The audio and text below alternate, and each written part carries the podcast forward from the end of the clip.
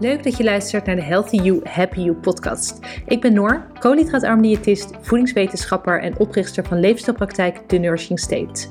Met mijn podcast neem ik je mee in de wondere wereld van koolhydraatarme voeding en een gezonde leefstijl. Ik laat je zien dat het echt niet ingewikkeld hoeft te zijn en samen met mijn gasten motiveer ik je om die volgende stap te zetten. Stap voor stap naar een gezonde leefstijl waar jij blij van wordt. In deze aflevering wil ik het gaan hebben over cholesterol. Hier is namelijk een hele hoop onduidelijkheid over. En ik hoor veel om me heen bij cliënten dat ze denken: Oh, ik heb een hoog cholesterol, dat is een probleem. Maar wat ik je in deze aflevering wil gaan uitleggen, is dat het ene cholesterol het andere niet is. Dus ja, in sommige gevallen is het zeker slecht om een hoog cholesterol te hebben. Maar vaak niet als de huisarts tegen jou vertelt: Oh, je hebt een hoog LDL-cholesterol, hoeft dat niet automatisch een probleem te zijn. Ik noemde al LDL-cholesterol, dus misschien dat je al denkt, oeh, dit gaat een beetje snel. Dus we gaan even terug naar het begin en ik ga je eerst even uitleggen wat cholesterol precies is. Cholesterol is een vetachtige stof die voorkomt in al je cellen. Je lichaam heeft cholesterol nodig als bouwstof voor gezonde cellen, voor het aanmaken van hormonen, voor het aanmaken van vitamine D en stoffen die nodig zijn voor het verteren van je voeding.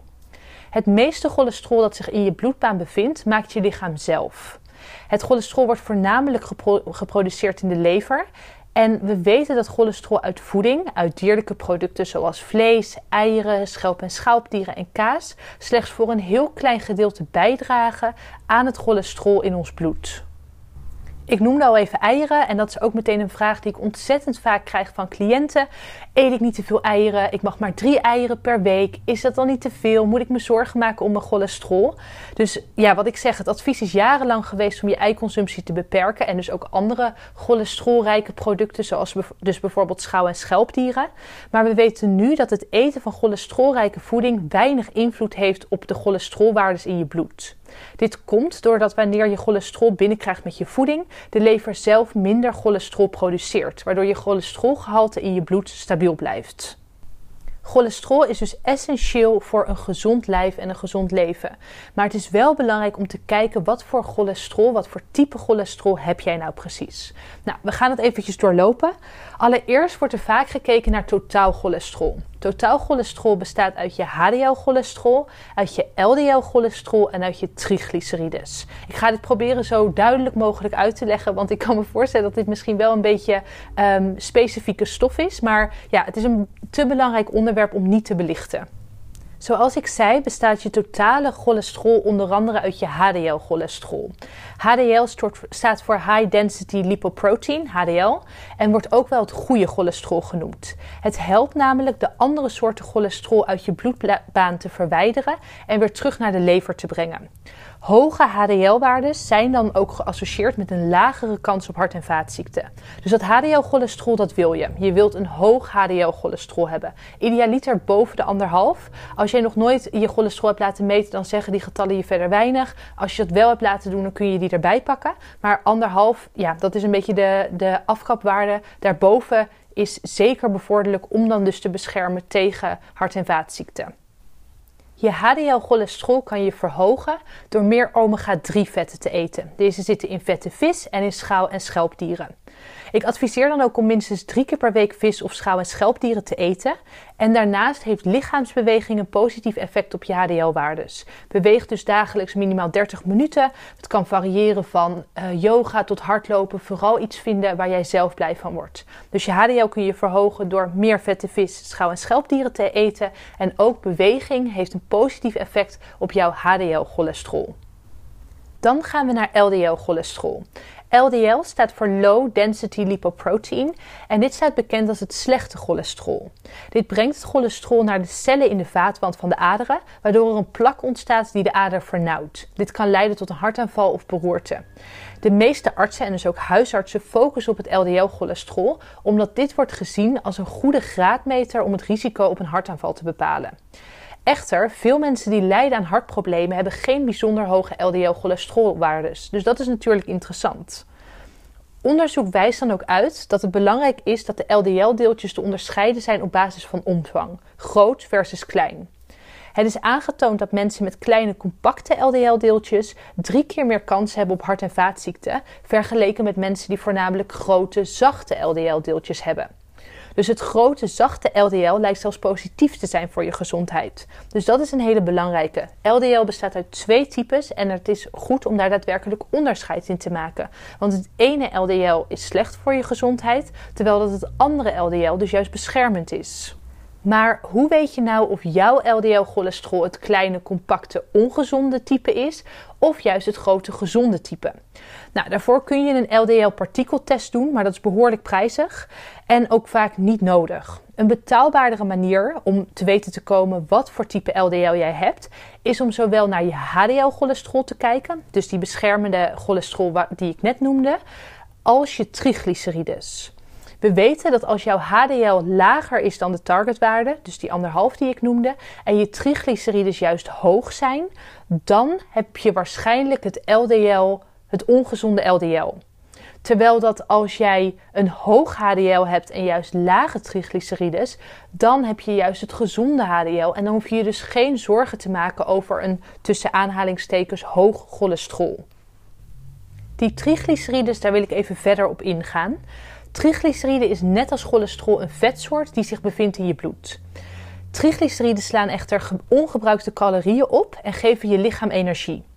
Dus na een maaltijd zet je lichaam de calorieën die je niet direct nodig hebt om in triglyceriden en slaan deze op in je vetcellen. Hormonen zorgen ervoor dat deze triglyceriden vrijkomen, waardoor je energie krijgt tussen de maaltijden door.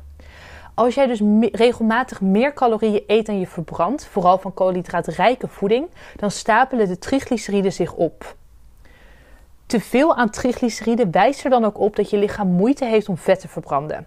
Dat betekent dat je moeite zal hebben met het behouden van een gezond gewicht, maar ook een, risico, een hoger risico op verkalking van de aderen of vernauwde aderen. En dit kan weer resulteren in een beroerte, hartaanval of andere hart- en vaatziekten. Dus zoals je hoort, zijn die triglyceriden ontzettend belangrijk om te bepalen of jouw lichaam in staat is om vet te verbranden. Als dat namelijk niet zo is, zie je dus hoge triglycerideswaardes terug. En dat betekent dat er dus meer vet door jouw aderen rondzweeft en dat ook allemaal verschillende klachten kan geven, zoals ik net noemde. Als je je triglycerides wil verlagen, is het nodig dat je lichaam die triglycerides weer als energiebron gaat gebruiken dan is het essentieel dat je bloedsuiker stabiel is. Jouw lichaam kan namelijk alleen vet verbranden met een goed stabiel bloedsuiker. Want als jij te veel koolhydraten eet, dan gaat jouw lichaam insuline, een hormoon, produceren. En dat zorgt ervoor dat de hele vetverbranding stopgezet wordt. Dus als jouw triglycerides te hoog zijn en dat dus aanduidt dat jouw lichaam moeite heeft met vet verbranden, dan wil je gaan kijken naar jouw koolhydraatinname, die laag houden. En dan zorg je ervoor dat die triglycerides afnemen, omdat jouw lichaam daadwerkelijk overgaat op vetverbranding. En dat dus als primaire energiebron gaat gebruiken. Wat ik dus doe als een cliënt binnenkomt met een hoog cholesterolgehalte, dan ga ik altijd eerst kijken naar de triglycerides en het HDL. Want ik wil bepalen, is dat hoge cholesterol daadwerkelijk schadelijk of hebben we eigenlijk niks om ons zorgen over te maken? En kan jouw hoge cholesterol zelfs beschermend zijn? Want als je dus het goede type LDL hebt, hoef je je geen zorgen te maken om je cholesterol. Nu is het wel zo dat ik eigenlijk in de praktijk heel erg vaak hoge triglycerides zie. Dus een lichaam dat moeite heeft met het verbranden van vet. En lage HDL-waardes. Dus dan weet je dat het daadwerkelijk zorgelijk is, dat cholesterol. Maar dat hoeft dus niet automatisch zo te zijn. Laatst had ik ook een cliënt die een uh, hoog cholesterol tussen aanhalingstekens had. En we keken naar de triglycerides, we keken naar het HDL. En toen bleek juist dat de triglycerides mooi laag waren. Dus het lichaam was daadwerkelijk goed in staat om over te gaan op vetverbranding. HDL, de beschermende factor voor hart- en vaatziekten, was mooi hoog. Dus toen konden we ook zeggen van joh, dat LDL of dat verhoogde cholesterol, dat is niet iets waar we ons zorgen over hoeven te maken. Dus dat wil ik je echt meegeven als jij de diagnose krijgt hoog cholesterol. Ga verder kijken dan alleen dat hoge LDL. Want het zou zomaar kunnen dat jij een gunstig type hebt. En dan zou het heel zonde zijn als je daar medicatie voor gaat stikken. Omdat die medicatie er juist weer kan, voor kan zorgen dat jouw goede, jouw HDL-cholesterol daalt. Nou, dat wil je juist niet, want dan verschuif je juist jouw gezonde cholesterolprofiel naar een ongezond profiel. Dus dat is echt wat ik met je met deze aflevering duidelijk wil maken. Je meer kennis wil geven over hoe kijk je nou daadwerkelijk naar dat cholesterol. En het is dus niet automatisch zo dat een hoog cholesterol slecht is. Ik kan me voorstellen dat je na het luisteren van deze aflevering zoiets hebt van: ik wil weten wat mijn cholesterol is, ik wil hiermee aan de slag. Ik wil kijken hoe het er bij mij daadwerkelijk uitziet. En wat wij dan hebben is onze koolhydraatarme Kickstart bundel. Dat bestaat uit een drie weken koolhydraatarm maaltijdplan en ook uit onze bloedtestcheck. Dus dat is een overzicht van de bloedtesten die wij altijd aanraden, dus ook met de verschillende types cholesterol. En dan kun je ook zien wat zijn de optimale waarden, wat, hoe kan ik die verbeteren en optimaliseren. Dus als jij interesse hebt om hier meer over te weten, dan stuur, doe ik even een linkje in de beschrijving, zodat je daarnaar kan kijken. Want het is echt heel erg belangrijk om te gaan begrijpen hoe jouw lichaam werkt, waar mogelijke tekorten zitten en dat je daar ook specifiek mee aan de slag kan. Want wat ik heel vaak zeg, weet je, er is niet een one size fits all en dat is ook hier weer in. Jij zou een ander cholesterolprofiel hebben dan dat jouw buurman bijvoorbeeld heeft. En daarom is het belangrijk om te achterhalen wat er bij jou precies speelt. Want dat zal voor iedereen anders zijn. En hoe meer je daar inzicht in hebt, hoe beter je ook bepaalde keuzes en bepaalde aanpassingen in je voeding en in je leefstijl kan maken. Want je hebt daadwerkelijk de informatie wat jij nodig hebt. Dus de link voor de koolhydraatarme Kickstart bundel zet ik in de beschrijving. Kijk daar vooral naar. Dan wil ik je bedanken voor het luisteren en tot de volgende keer. Ben je klaar om in actie te komen? Top! Toch wat twijfels of vragen? Je hoeft het niet alleen te doen. Plan via onze website www.thenursingstate.com een vrijblijvend kennismakingsgesprek in. Dan denken we persoonlijk met je mee of een koolhydraatarme leefstijl ook bij jou past. Tot slot wil ik je om een kleine gunst vragen. Wil je de Healthy You, Happy You podcast beoordelen op Spotify of Apple Podcast? Dan kan ik nog meer mensen helpen naar een healthy, happy leven. Dankjewel en tot de volgende keer.